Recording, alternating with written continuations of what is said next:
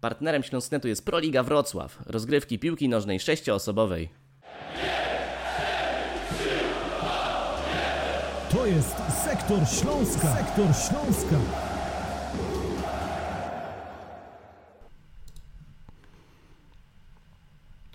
Sektor Śląska y, po porażce z Rakowem Częstochowa, Jakub Luberda z tej strony dziś o meczu, a także po wydarzeniach, które miały miejsce po nim. Porozmawiamy w redakcyjnym gronie. Y, ze mną Jan Micegiewicz Dzień dobry. i Bartosz Królikowski.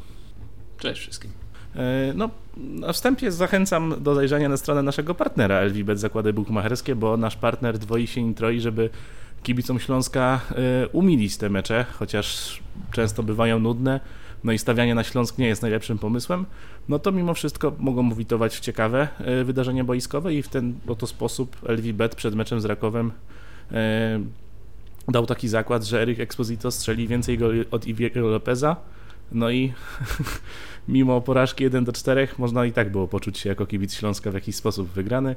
Kreatywność należy doceniać, dlatego doceniamy i przechodzimy do właściwej części podcastu. E, Ten podcast podzielimy na dwa wątki, na to co działo się po meczu, e, no i po prostu sam mecz. Po tej porażce z Rakowem nad Wrocławem e, nastała taka gęsta atmosfera, bo najpierw trener Żużewicz stwierdził na pomeczowej konferencji, że to jest moment, e, aby zobaczyć na jakim etapie jesteśmy, porozmawiać z zawodnikami, dowiedzieć się kto chce pracować, a kto odejść z klubu. Mamy do siebie pretensje. Później w mediach pojawiły się plotki, że klub chciałby rozwiązać kontrakt z Kaje Quintaną, chciałby też rozwiązać z Diogo Verdaską. Yy, No i te plotki też już zostały co prawda zdementowane przez dyrektora sportowego Dariusza Sztylkę. No ale właśnie, czy wy ufacie dyrektorowi Sz- Sztylce? Jak generalnie zapatrujecie się na tę sprawę? No ja myślę, że dyrektor Sztylka już mm, w przeszłości kilka razy e, mówi różne rzeczy, a później okazywało się inaczej. Między innymi jak Praszelik i Exposito mieli nie odchodzić w jednym okienku ze Śląska, a, a, a tak się miało stać. No oczywiście transfer Exposito się wysypał, ale, ale jednak e, no, nie były to, to słowa e, Dariusza Sztylki. Ja myślę, że no, patrzymy sobie na te kilka kolejek, Diego Verdaska nie podniósł się z ławki rezerwowych i e, no wydaje się, że, że raczej Iwan Dziurdziewicz nie miał zamiaru na niego stawiać, ale z drugiej strony, jeśli Portugalczyk miałby odejść, no to, to nagle robi się sytuacja bardzo słaba, jeśli chodzi po prostu o liczbę zawodników dostępnych na tę pozycję, bo, no bo tak naprawdę oprócz Gretarsona i poprawy byłby tylko Łukasz Bejger, którego nie ma w ogóle w kadrze meczowej, więc e, no myślę, że takie mm, odejścia na sam koniec okienka transferowego i próby rozwiązywania kontraktów, to, to byłyby jednak e, zbyt pochopne ruchy. Mm, Myślę, że takie plotki też jakby pojawiły się w związku z tym, jak, y, jakie rozmiary miała ta porażka, ale, ale raczej spodziewałbym się, że do tego nie dojdzie. Z mojej strony się wydaje, że ja, ja też przede wszystkim zastanawiam, skoro takie decyzje mają zostać podejmowane, to dlaczego zostają podjęte tak późno, zwłaszcza właśnie w przypadku Verdaski, bo on nie siedzi na ławce od, y, od meczu z Rakowem czy od dwóch tygodni, tylko od samego początku sezonu. Tylko, że no nie jest to dziwne, że trzeci stoper nie, nie zalicza minut. No, pozycja środkowego obrońcy to jest takie, taka pozycja, którą się jednak przynajmniej teoretycznie nie powinno tak często zmieniać. Nie dochodzi tam do tak wielu rotacji, jak na przykład w ofensywie, na skrzydłach czy w środku pomocy. Więc y, gdzieś jednak jak jest ta rywalizacja o miejsce w składzie, gra zespół na dwóch stoperów, no to wiadomo, że temu trzeciemu, który tą rywalizację przegra, gdzieś o te minuty może być trudno.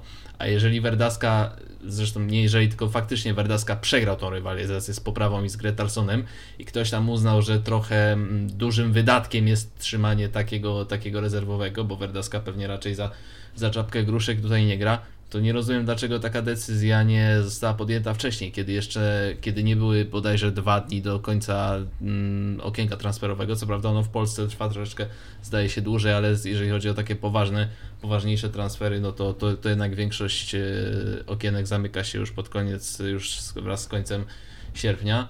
No i teraz, yy, no i teraz pytanie właśnie, właśnie jeżeli by faktycznie ten Wardaska miał odejść, no to, to co dalej? To samo co Janek mówił. No, Śląsk, o ile nie chcemy znowu widzieć Szymona Lewkota na środku obrony, a myślę, że nie chcemy, yy, no to nie może sobie tak naprawdę pozwolić na takie bardzo łatwe odpuszczenie zawodnika tylko dlatego, że nie umie sobie wygrać miejsca w podstawowej 11. No sytuacja ta jest też o tyle mm, dziwna i też interesująca z drugiej strony, że no właśnie, tak jak sezon temu moglibyśmy gdzieś doszukiwać się wzmocnień potencjalnych z rezerw na, na tę pozycję, no tak bieżący sezon rezerw pod kątem obrony również nie wygląda najlepiej. Tam naprawdę nie ma potencjalnych zmienników na środek obrony, więc nawet właśnie takie wzmocnienia, gdzieś wprowadzanie młodzieży tutaj e, raczej, raczej by się nie wydarzyło. No i też dziwne dla mnie jest to, że no wzięliśmy rok temu zawodnika, zawodnika do odbudowy. Wszyscy wiedzieli, że będzie do odbudowy. On w przeciwieństwie do Kaje Quintany e, zaliczył kilka pozytywnych występów, e, miał swoje dobre momenty, nawet przez pewien moment chyba minionego sezonu, nie wiem czy się ze mną zgodzicie, ale, ale moim zdaniem był jednym z takich lepszych, czołowych obrońców Śląska. E, no i nagle, gdy w końcu doszedł do dyspozycji, no bo rozumiem, że skoro bez kontuzji przepracował cały okres przygotowawczy, no to w formie fizycznej, na którą czekaliśmy jest, on nie dość, że nie gra, to jeszcze ma zostać odesłany w zapomnienie, rozwiązany ma być z nim kontrakt w ogóle, to też nie jest żadna sprzedaż, więc, więc to też trzeba wziąć pod uwagę. No dla mnie ta sytuacja jest dziwna. Mm, no bo myślę, że z Kaje Quintaną ewentualne pożegnanie przyszłoby tutaj e, bez tak mocnych skutków, e, no ale z Werdaską rzeczywiście to byłby problem. Janek, dla Ciebie e, pożegnanie właśnie z Quintaną, e, no widzisz tutaj na przykład potencjalnych zastępców w składzie Śląska, czy też musiałoby to nastąpić z wzmocnieniem automatycznym tej pozycji? No zakładając, że Quintana miał grać na dziesiątce, tak jak e, grał po tym, jak już e, wszedł Exposito do składu, mm, no to na tej pozycji na pewno jest Adrian Łyszczarz i jest Matias Nauel. O ile oczywiście ten drugi też no, wejdzie na taki poziom, jaki będzie satysfakcjonował kibiców Śląska, jaki w przeszłości pokazywał. E, myślę, że jednak e, większy problem byłby w przypadku odejścia Werdaski, bo to by e, oznaczało, że praktycznie nie ma żadnego pola manewru na, na środku obrony.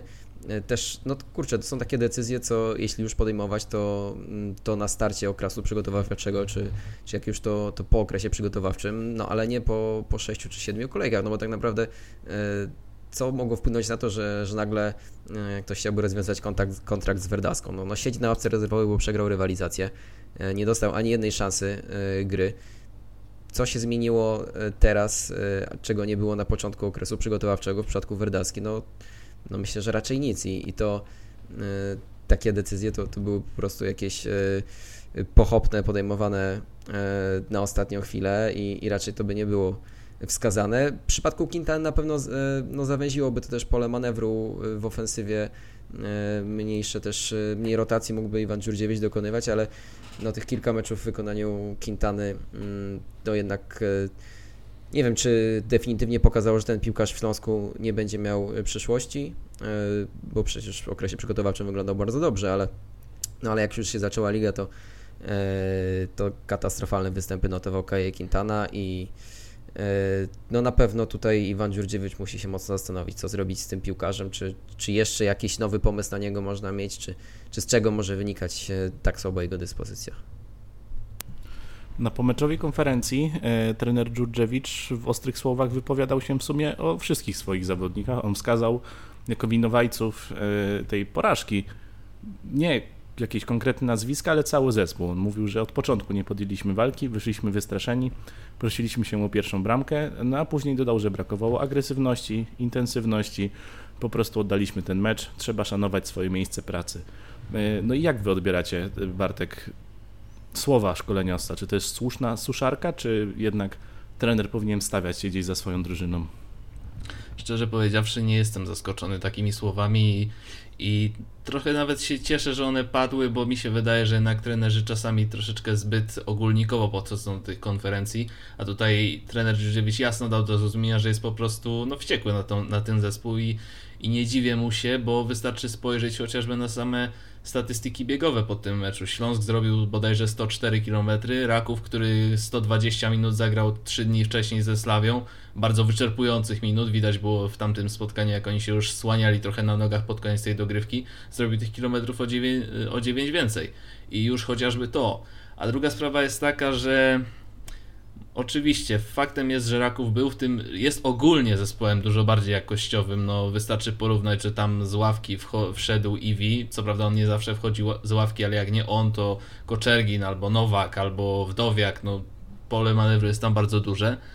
Tylko, że no z jednej strony Raków był o wiele, wiele lepszy, wczoraj ogólnie jest o wiele lepszy, ale z drugiej strony trudno było gdzieś zobaczyć jakieś takie większe zaangażowanie w tej drużynie wczoraj. Na, naprawdę mam takie wrażenie, że oni przeszli bardzo, bardzo obok do tego meczu, tak wręczyli Rakowowi bicz i mówili, dobra, walcie ile chcecie. No i, i Raków dokładnie to zrobił, tak naprawdę yy, o ile w meczach z Pogonią czy z Lechem gdzieś faktycznie to zaangażowanie, ta walka jeszcze była i tam no, też trochę szczęśliwie, bo tam też mieli dużo okazji, ale udało się wygrać, tak tutaj no, nie było po prostu nic w tym zespole takiego e, nie wiem, takiego jakiegoś zaangażowania, takiej wiary w zwycięstwo, chociażby sami rezerwowi, którzy weszli, no trudno wyróżnić jakoś bardziej na plus któregokolwiek, a już postawa Kaje Quintany, o którym tu wcześniej mówiliście w, w, w, we wczorajszym meczu, to już jest taki absolutny symbol całego tego występu. Chłop wszedł i tak naprawdę przez te, przez te minuty, w które grał, no jego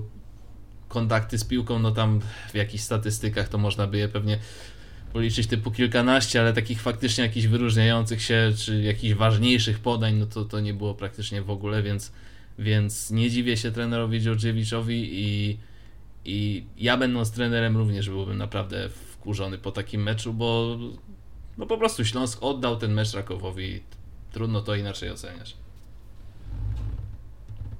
Mm, po tym meczu e, trener Dżudżewicz, właśnie odnosząc się do tej statystyki, którą Bartek przywołałeś, e, został zapytany przez, przez jednego z dziennikarzy, e, jak to jest, że Śląsk przebiegł te 9 km mniej, e, skoro Raków był po 120 minutach walki ze Slawią Praga. No i trener stwierdził, że to jest wstyd. Wyglądaliśmy jakbyśmy grali w czwartek, a nie oni i jest to oburzające. Janek, ty też jesteś oburzony, czy, czy nie patrzysz tak na tę statystykę tak wiążąco?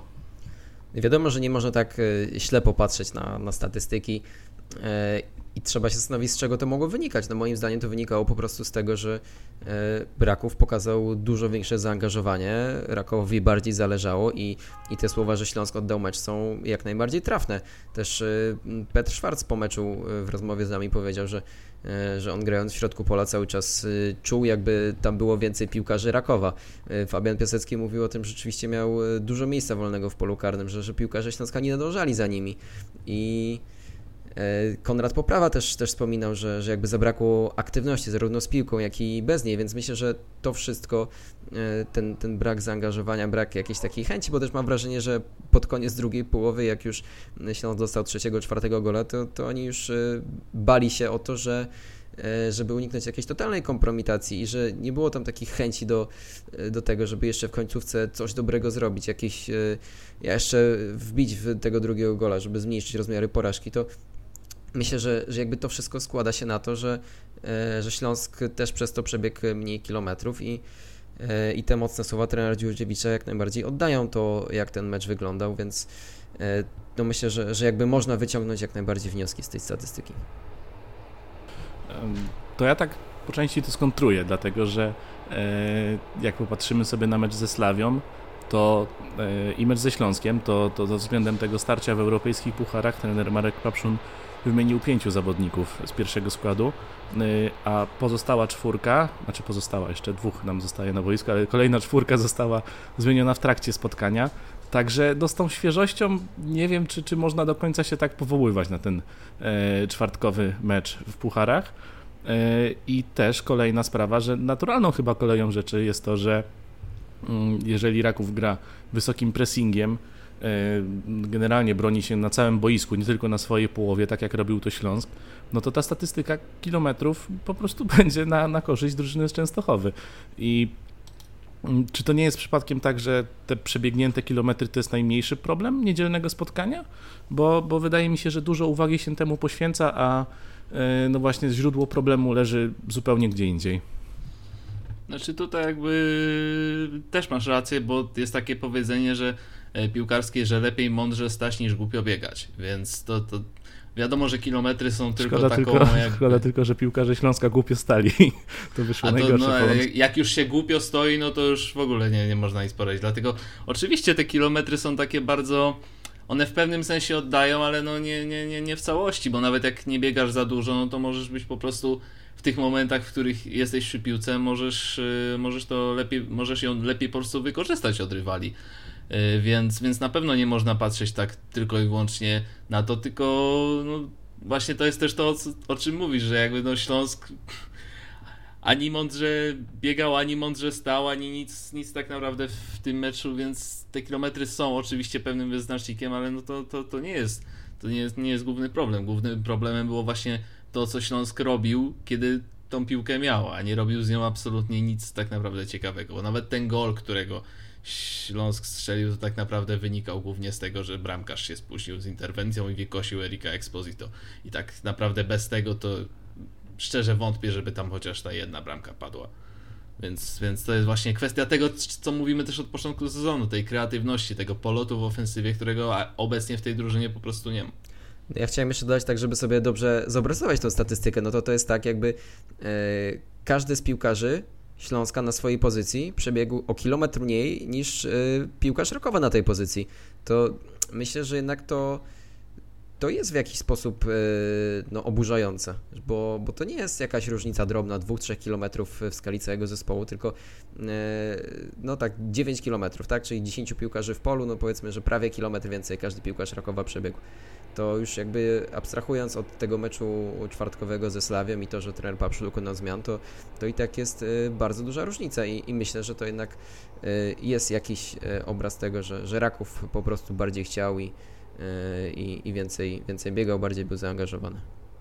Czyli 9 km to jest mniej więcej tyle, ile jeden zawodnik średnio przebiega w trakcie meczu. Oczywiście niektórzy przebiegają więcej, tam czasami 11 km, 12, niektórzy nawet 13, no ale można powiedzieć, że to tak jakby Śląsk grał po prostu w dziesiątkę przez cały mecz od początku. I to, to jest właśnie taka różnica.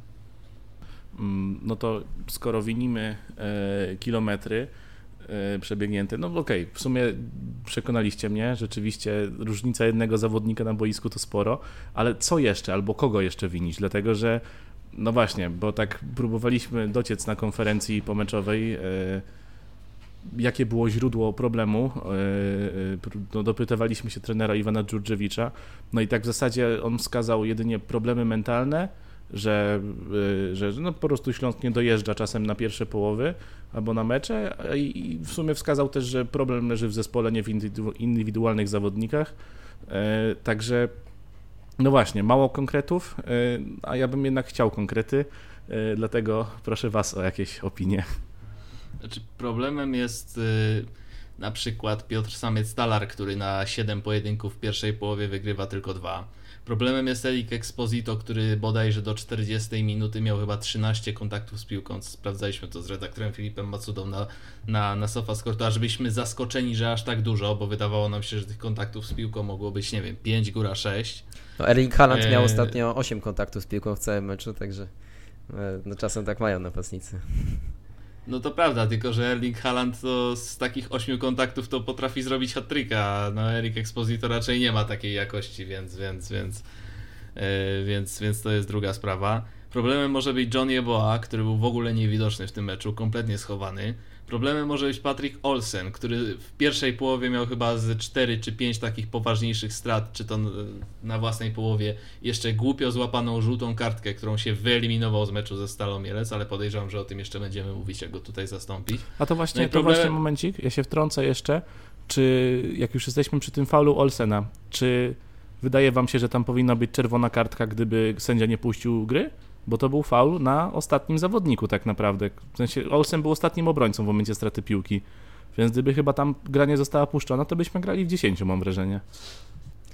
Znaczy, wydaje mi się, że sędzia też mógłby pokazać czerwoną kartkę, nawet jeśli by e, jakby puścił grę i później wrócił do tej sytuacji. E, ale no tak, na pewno nie byłaby to spora kontrowersja, gdyby tutaj Olsen, Olsen. dostał czerwoną kartkę, bo bo to było tak głupie zachowanie, tak te, no, strata wynikająca, nie, nie wiem z czego, za, za długo prowadził piłkę, nagle nie zauważył, że trzech rywali przy nim było i, i, i Piasecki mógł iść sam na sam. Właśnie to uratowało Olsena, że przy nim było trzech rywali i to Raków przejął tą piłkę. Bo gdyby to Śląskiem przejął, no to byłaby czerwona kartka i już kompletnie kaplica. Chociaż jak już ustaliliśmy, i tak e, Śląsk grał tak, jakby grał w dziesiątkę, więc w sumie. No, w sumie dużej różnicy nie było. E, wracając do tych e, indywidualnych występów, właśnie chciałbym spytać, e, już ruszyłeś poniekąd ten temat, Bartek Piotra, o Piotra Samca-Talara. Czy cierpliwość do niego się kończy, czy już się skończyła? Dlatego, że mm, no nie wiem, ja przy tych poprzednich spotkaniach Śląska starałem się go jeszcze jakoś bronić. Uważam, że zanotował pewien progres względem poprzednich sezonów, zaczął udzielać się aktywnie defensywie, no ale ten, ten mecz z Rakowem w jego wykonaniu był po prostu do czegoś takiego nie da się wybronić. To, to, to było. No momentami, e, Janek, my komentowaliśmy ten mecz wspólnie i, i naprawdę ciężko było to w ludzki sposób skomentować, gdy on przy, przy groźnych kontrach Śląska potykał się o swoje nogi. No to było aż momentami komiczne. No zastanawiam się, jak długo Piotr Samiestalar będzie grał w pierwszym składzie. Myślę, że jakby nie był młodzieżowcem, to już by dawno z niego wypadł, bo naprawdę, no e, czegoś trzeba oczekiwać od takiego zawodnika. Ok, jest, jest wychowankiem Śląska, wiąże się z nim nadzieję. Rzeczywiście prezentuje wyższy poziom niż w tych minionych sezonach, e, ale też biorąc pod uwagę, jak obiecujący był ten jego pierwszy występ w meczu z Zagłębiem, e, a jak to wyglądało w ostatnich 5-6 meczach, to no jest na pewno duży zawód, bo e, w tych wielu akcjach ofensywnych, jak mówiłeś, to, to momentami tam po prostu potykał się od własne nogi Piotr Samec-Stalar i i no ciężko się na to patrzy. Mam wrażenie, że, że gdyby nie to, że, że jest wychowankiem i młodzieżowcem, to już dawno by z niego zrezygnowano i, e, i zastanawiam się, kiedy się skończy cierpliwość Iwana Dziurdziewicza. Myślę, że mimo wszystko na przykład Denis Jastrzębski dałby, dałby drużnie więcej, no grając od pierwszej minuty, ostatnio usiadł na ławce rezerwowych. Także Piotr Samiec-Talar na pewno potrzebuje jakiegoś gola lub asysty, nawet, y, nawet jakiegoś takiego szczęśliwego, gdzieś tam fartownie, żeby się od niego odbiła piłka, ale to może dałoby mu więcej pewności siebie i też wiary we własne umiejętności, bo mam wrażenie, że tego trochę ostatnio brakuje i e, no nie wiem, czy, czy jakby e, to jest piłkarz na, na ten poziom, żeby grać w pierwszym składzie w ekstraklasie, ale jeśli ma takim być, no to musi zacząć to pokazywać i, i musi zacząć e, po prostu notować liczby bardziej jakoś e, pokazywać się, w ofensywie i, i coś e, więcej dać zespołowi. Mm, no właśnie, bo Piotr Samiec-Stalar, jak już wspomniałeś, no na boisku z Rakowem wykazywał się niezwykłym brakiem pewności siebie wręcz. E, no bo to nie jest tak, że to jest zawodnik, który, nie wiem, nie potrafi utrzymać się przy piłce, nie potrafi dryblować. On na poziomie drugiej ligi wielokrotnie miał e, fajne indywidualne akcje, no a jednak tam e, no tam to, tam to nie wyglądało, tam nogi były splątane i czy Bartek nie uważasz, że to jest niejako symbol całego Śląska, że to jest te problemy mentalne, brak pewności siebie, jakieś jeszcze może, nie wiem, flashbacki z poprzedniego sezonu, gdy, gdy naprawdę ten mental w zespole Śląska leżał, e, czy to nie jest główny problem Śląska w tej chwili? No bo jednak z jakiegoś powodu Śląsk nie dojeżdża na niektóre mecze. E, no tutaj mamy Raków, wcześniej była na przykład pierwsza połowa z Koroną Kielce, gdzie też, e, jeżeli chodzi o zaangażowanie, no takie właśnie typowo cechy, które można zwalczyć no, pracując gdzieś w głowie swojej. To tam Śląsk nie dojechał. Czy nie uważasz, że Śląsk ma problemy mentalne? Znaczy myślę, że były takie momenty to nie, i to całkiem nie tak mało, że naprawdę można było wy, wysnuć takie wnioski. No to jest pytanie jakby do Iwana Drzedziewicza, bo wiadomo było przed sezonem, że jakby wyczyszczenie głów, zbudowanie tego mentalu od nowa będzie kluczowe dla tego zespołu, bo jednak ten, ten zeszły sezon mocno podciął skrzydła, myślę, absolutnie wszystkim i takie oczyszczenie głów było potrzebne, a tu widać, że jeszcze gdzieś te gdzieś te yy, jakby braki, niedoskonałości pod tym kątem mentalnym są, yy, zwłaszcza jeżeli chodzi o grę ofensywną, bo Wiemy, że w zeszłym sezonie głównym problemem jakby była defensywa, bo czyste konta Śląska to, było, to był widok y, bardzo, bardzo rzadki.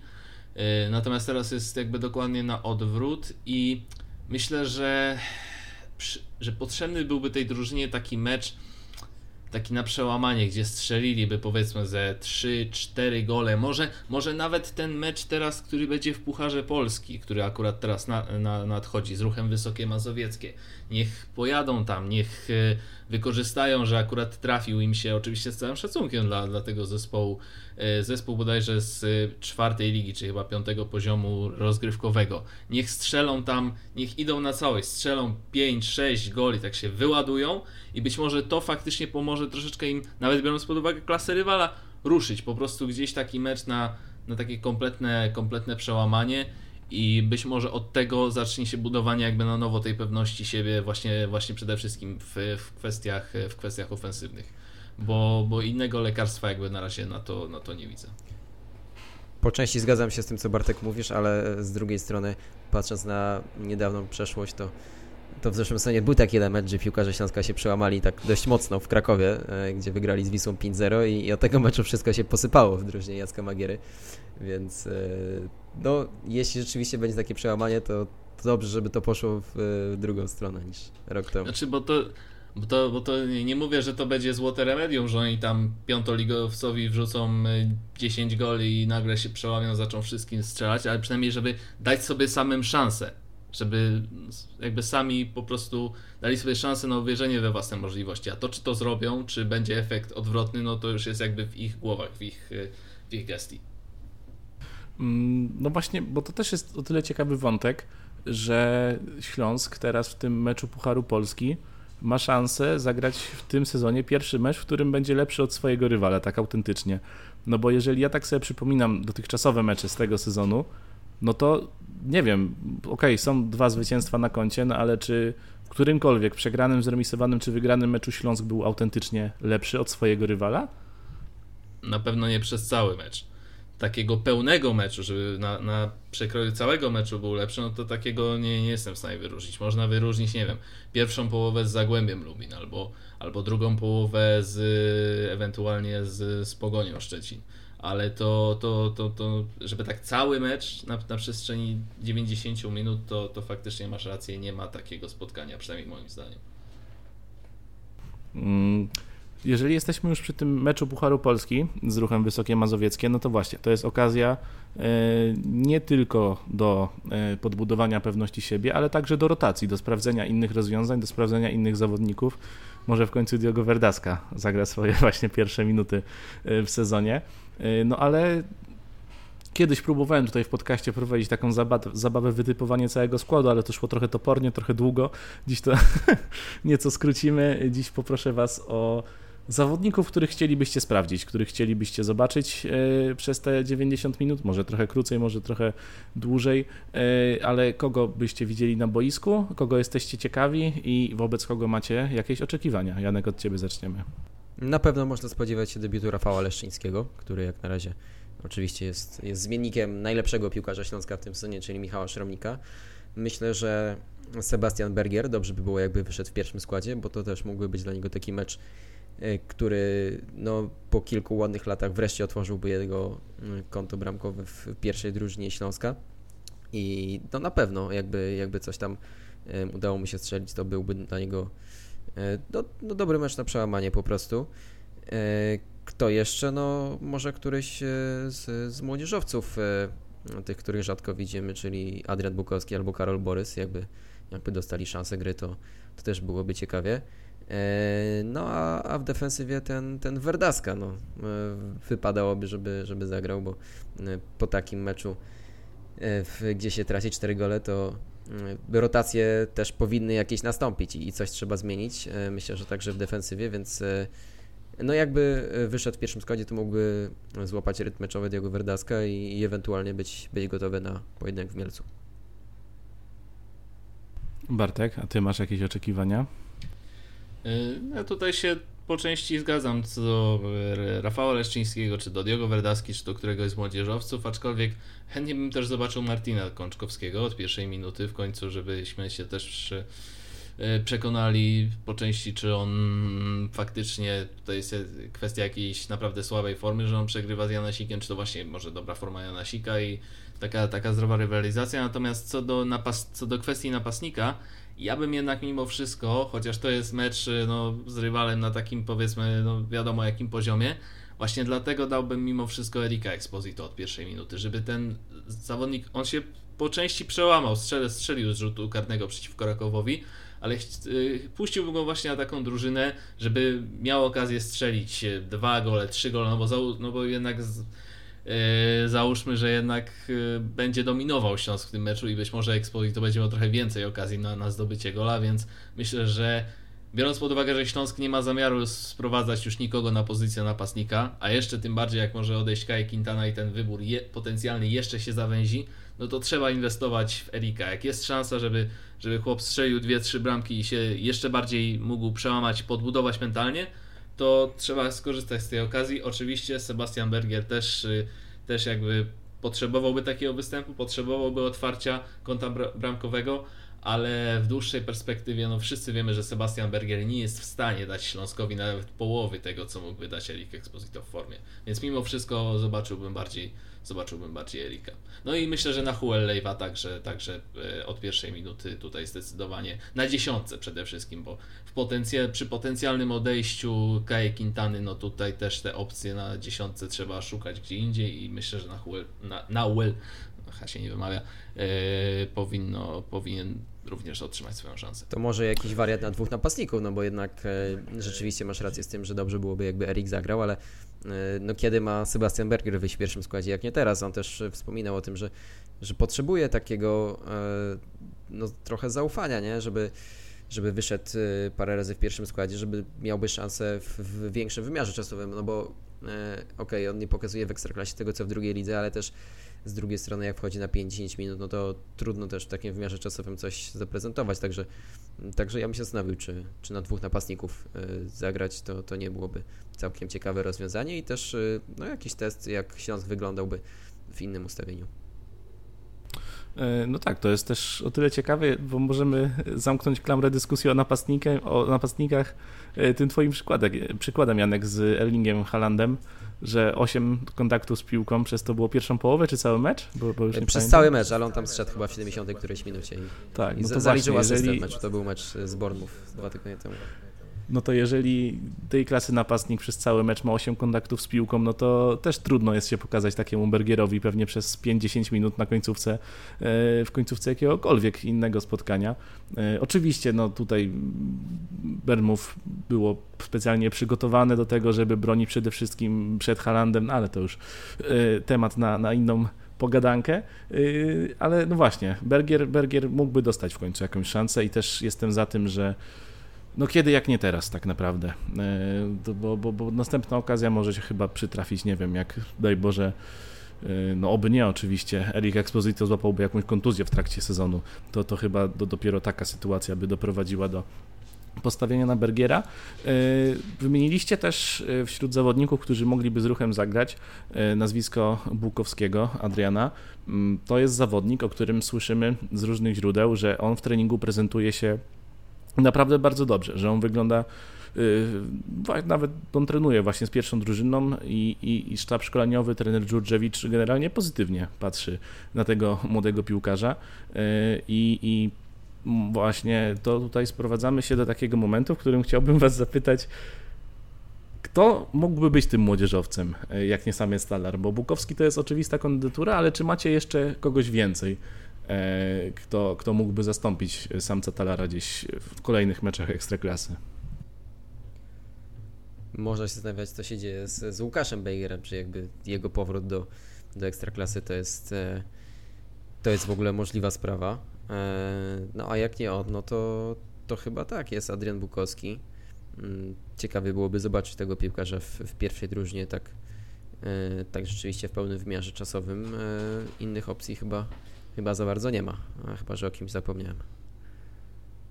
Mógłby Iwan Dżurdziewicz na przykład przeciwko Ruchowi Wysokie Mazowieckie teraz w Pucharze Polski iść na, na pełne szaleństwo i, i tak jak mówiłeś Janku o tym, o, o potencjalnym duecie napastników Bergier e, Exposito, no to, no to wtedy jest miejsce raczej dla dwóch środkowych pomocników i dlaczego by tego nie, zosta- nie zestawić na przykład Adriana Bukowskiego z z Karolem Borysem od pierwszej połowy, ewentualnie jakby to nie funkcjonowało, no to zawsze można wpuścić Patryka Olsena, który ze Stalą Mielec i tak nie zagra, albo, albo Javiera Hejka.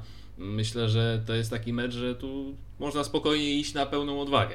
I szczerze powiedziawszy, gdybym zobaczył coś takiego od pierwszej minuty, nie byłbym niezadowolony z tego faktu. Ja bym e, troszkę jednak zahamował te, te zapędy z młodzieżowcami, bo e, to też nie chodzi o to, żeby wymienić cały skład, bo już nie jedna drużyna się przejechała na takich e, rywalach z czwartej czy trzeciej ligi, w tym przypadku z czwartej, ale też e, no, dobrze byłoby zobaczyć, jak Adrian Bukowski wyglądałby w środku pola z takim partnerem, który mógłby grać w ekstraklasie, czyli z Petrem Szwarcem albo z Patrykiem Olsenem. Bo jak wrzucimy Bukowskiego razem z Borysem, no to e, tak naprawdę wymieniamy cały środek pola. I to też to chyba Czesław Michniewicz jako selekcjoner reprezentacji Polski już mówił, że, że, też w rotacjach nie chodzi o to, żeby e, jakby wymienić cały skład, tylko żeby dać rezerwowym szansę występowania obok zawodników pierwszego składu. Więc e, pod tym kątem myślę, że ciekawie byłoby zobaczyć jakby, jakby Bukowski wyglądał e, w, w duecie po prostu z, z Olsenem albo Szwarcem.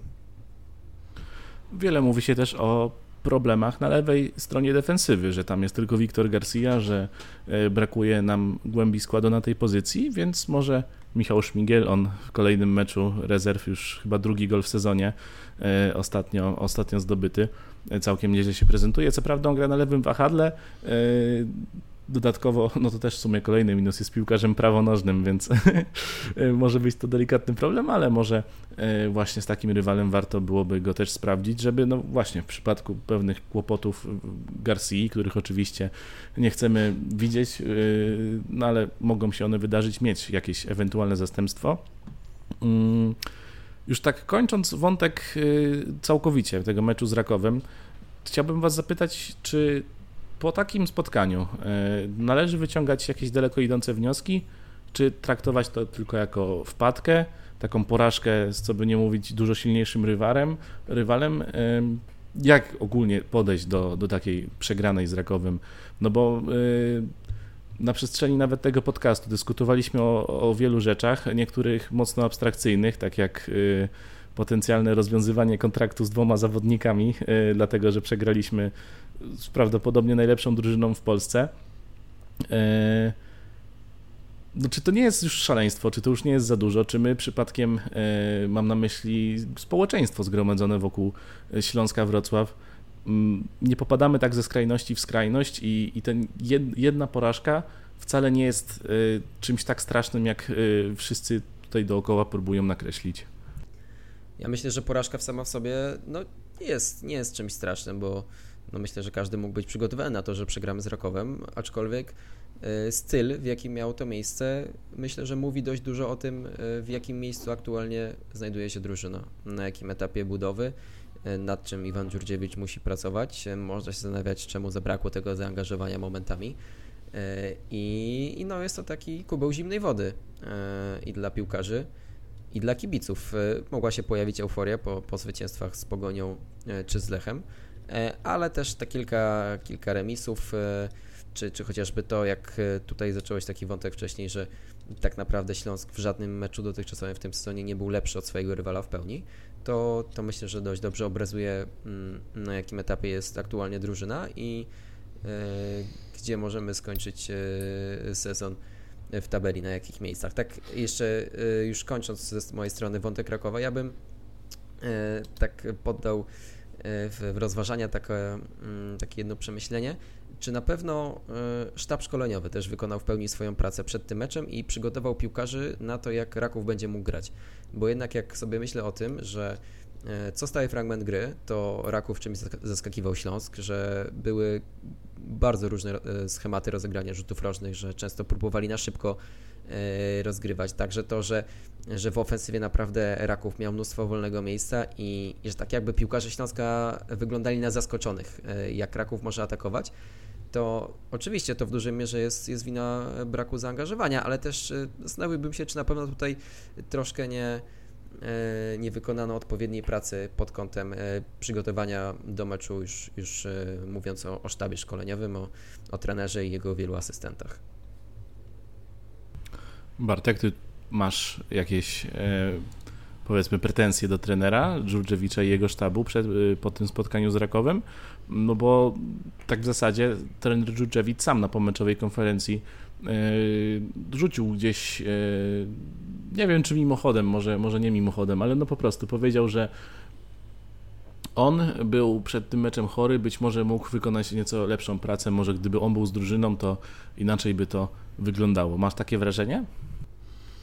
Znaczy, jedną rzeczą jest to, co trener nakreśli przed meczem, a drugą rzeczą jest to, jak piłkarze to wykonają. Oczywiście nie, nie, nie, nie zdejmuję tutaj absolutnie yy, odpowiedzialności ze sztabu szkoleniowego, bo zawsze jak przychodzi taka porażka, to nie jest to kwestią samych piłkarzy, tylko właśnie E, sztabu szkoleniowego także, zwłaszcza biorąc pod uwagę to, co wspomniał Janek, te stałe fragmenty gry, gdzie piłkarze Śląska kompletnie głupieli przy, każdym, przy każdej możliwej okazji, zwłaszcza przy tym golu Koczergina, gdzie on tam na, przed 16 metrem stał kompletnie sama w, w promilu y, kilku metrów nie miał absolutnie nikogo, jakby chciał, to by przed tym strzałem jeszcze 5 pompek zrobiła i tak nikt by mu tej piłki nie zabrał.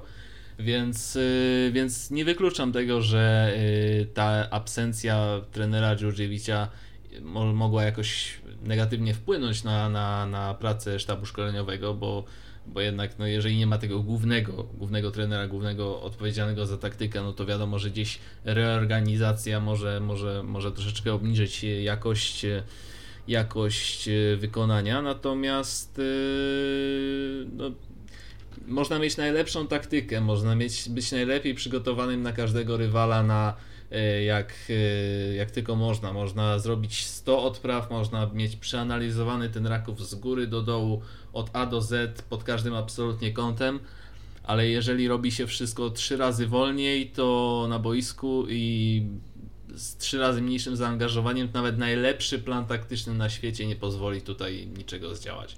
Więc myślę, że myślę, że mm, dopóki nie będzie tej większej intensywności, no to tutaj sztab szkoleniowy też będzie miał tylko trudniejsze zadania, a to już zależy od samych piłkarzy, jak, jak, jak bardzo przykładają się do swoich obowiązków. Ja też doprecyzuję, bo jakby nie chodzi o to, żeby y, tutaj zdejmować odpowiedzialność z piłkarzy i, i jakoś poddawać y, wątpliwość pracę Iwana Dziurdziewicza, ale y, tak po prostu głośno myślę, że jak jest się drużyną, no wiadomo, że, że Śląsk w tym meczu raczej nie miał być ekipą przeważającą, która będzie grała w piłkę.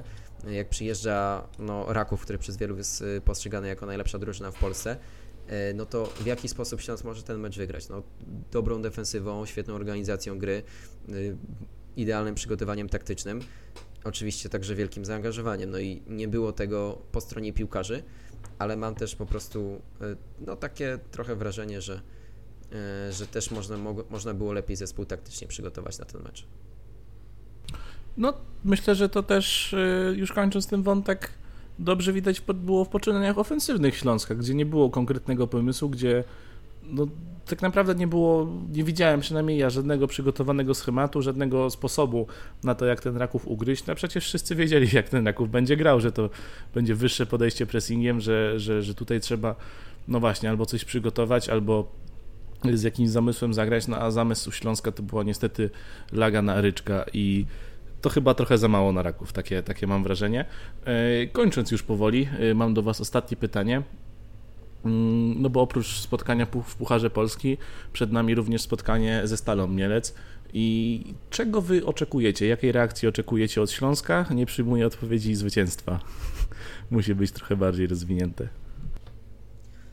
Ja bym oczekiwał tego, czego zabrakło w tym, e, w tym meczu z, z Rakowem, czyli żeby piłkarze pokazali, e, że po prostu będą niesamowicie zaangażowani, że będzie koncentracja od pierwszej do ostatniej minuty, że oni e, będą się, się starali pokazać jakiś pomysł na ten mecz, że, że będzie widać e, jakieś przygotowanie do spotkania, bo, bo w meczu z Rakowem nie było widać absolutnie nic.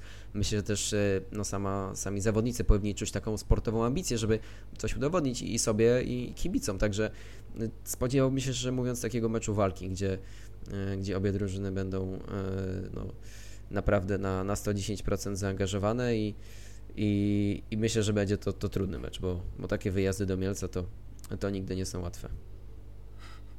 Przekonaliśmy się w, zeszłym sezonie o tym zdecydowanie. No ja bym to troszeczkę porównał do takiej reakcji, jak miał e, tutaj kto śledzi ligę angielską, myślę, że ty Janek doskonale będziesz wiedział, że mówię e, Manchester United po meczu z Brentford, w meczu z Liverpoolem, coś mniej więcej takiego, że ten mecz e, poprzedni zagrany przez nich był naprawdę bardzo słaby, zero zaangażowania i szybkie 4 do 0 do przerwy, no a potem tydzień później jakby taka już dużo większa mm, taka próba udowodnienia wszystkim, że my też potrafimy i że, i że, i że to była przede wszystkim wpadka i, i czegoś takiego bym, bym oczekiwał, zwłaszcza, że no Stal Mielec y, oczywiście z całym szacun- przy całym szacunku, co, co trener Majewski tam wykonuje, bo to y, zespół, który napsuł krwi Rakowowi, który ograł y, który ograł Lecha Poznań, który y, naprawdę dobry, dobry początek sezonu, jak na własne możliwości y, notuje, to, to to jest zdecydowanie zespół, Mm, gdzie, no, gdzie mamy zdobywać, tak na, gdzie Śląsk ma zdobywać trzy punkty, jak nie, jak nie, na, tak, yy, nie na takich wyjazdach, jak, jak, jak, jak, jak właśnie, do, właśnie do Mielca, więc takiej po prostu zdecydowanej reakcji. Też takiego wymagania więcej od samych siebie, tego bym przede wszystkim oczekiwał i, i liczę na to, że zobaczymy to na boisku.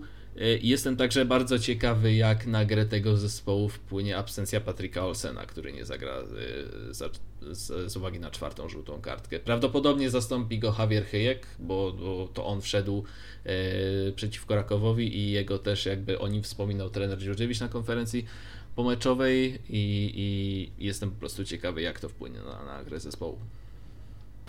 No dobrze, to po meczu z Rokowem przy Śląsku stawiamy duży znak zapytania. Przed nami, y, przed nagraniem kolejnego podcastu y, odbędą się dwa mecze Śląska z ruchem Wysokie Mazowieckie w Pucharze Polski, a także ze Stalą Mielec, oczywiście w Ekstraklasie.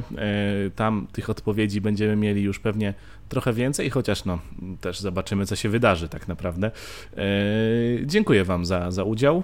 Byli dzisiaj ze mną Jan Micygiewicz. Dziękuję i do usłyszenia. I Bartosz Królikowski. Dziękuję bardzo. E, oczywiście Was, drodzy słuchacze, zachęcam do, do zajrzenia na naszą stronę. Zobaczcie też oferty naszego partnera Elwibet. E, no a my słyszymy się za tydzień. Mam nadzieję, że w lepszych nastrojach prowadził dla Was to wszystko Jakub Luberda. Hej Śląsk! To jest Sektor Śląska. Sektor Śląska.